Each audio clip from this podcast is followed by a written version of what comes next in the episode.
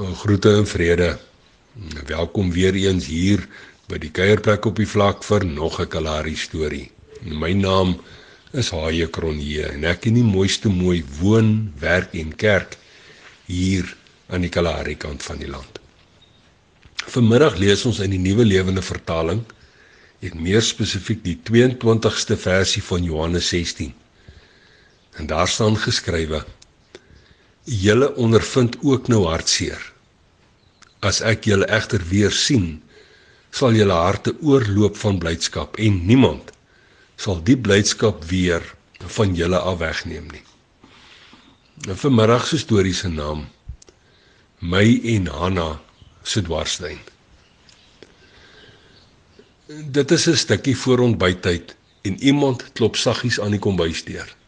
Dis al vreemd want gewoonlik word die klokkie gelui. 'n Vol verwagting maak die mooiste mooi die ou deur oop. Iets dramaties moes gebeur het want beide Hanna en Elsie se oë is byna leeg gehuil.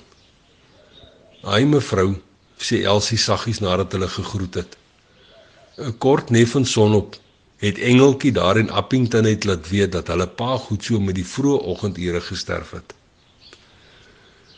Ons het hierdie doodsberig al voor laaste week verwag.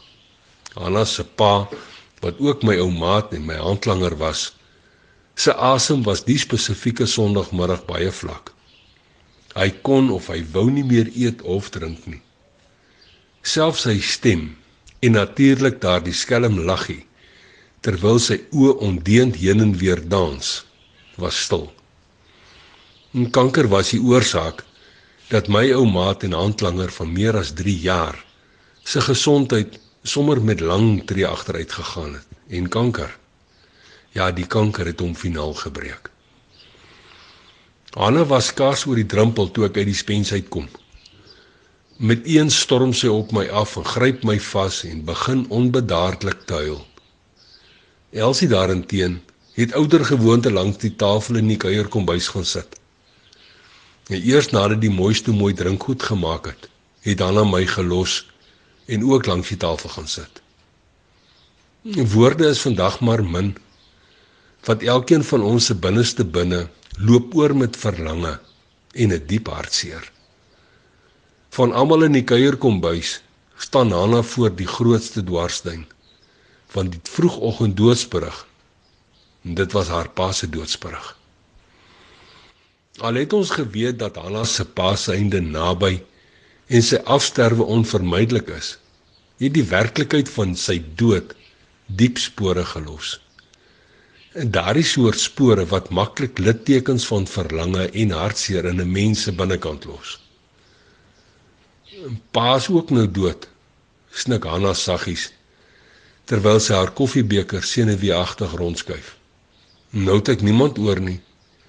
Maar goed het mos ook 'n paar jaar gelede gedood. Ekke is nou heel alleen, net ekke. Ek en nakkies. Ek vat vat na my oranje koffiebeker terwyl Hanna se woorde roerloos in die lug hang. Onwillekeurig staan my gedagtes stil by 'n amper so onoorkombare dwarsduin waarmee ek ook soms sukkel. En vandag vandag is dit Hanna se beurt om voor daardie selfde dwarsduin vir die eerste keer te gaan staan.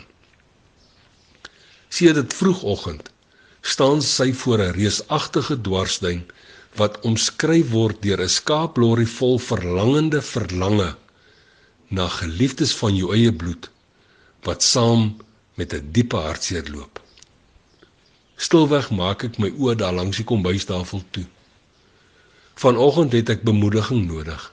Ek het 'n 'n waarvrag bemoediging nodig. Eerstens vir myself, maar ook vir Hanna. Beide my ouers en my broer en suster was 'n klompie jare gelede op die doodsengelse oorstaanlys gewees. In Julie 1984 het pa Johan se naam verskyn. En toe gevolg deur sus Christine, dis nou in September 2012 en Ouboet Matthys in in 2013. En die laaste besoek aan 'n geliefde van my bloed was 2 jaar later toe Ma Santa se naam op sy September 2015 se oorstaanlys was. Het jy dan vergeet dat liefde 'n prys het? Vra die Heilige Gees nog voordat ek my oë oopgemaak het. Onthou tog dat die prys van liefde nooit ooit goedkoop is nie. Die prys van liefde word betaal met verlange en hartseer wat volg in 'n belewing na die verlies. Hoe intiemer jou liefde, hoe hoër die prys wat betaal moet word. 'n Paar sekondes wat soos minute voel, gaan verby. Maar weet dit, bedui die Heilige Gees verder. Al beleef jy en die Hannas van die lewe 'n verlammende verlange en 'n diepe hartseer omdat jy hulle liefgehad het, sal julle harte oorloop van blydskap. 'n Blydskap wat in lengte van dae nooit ooit weer van julle weggeneem sal word nie, want dan is ek vir ewig saam met julle. Nou ja toe. Tot 'n volgende keer. Los mooi spore en sandkorrel baie seëninge.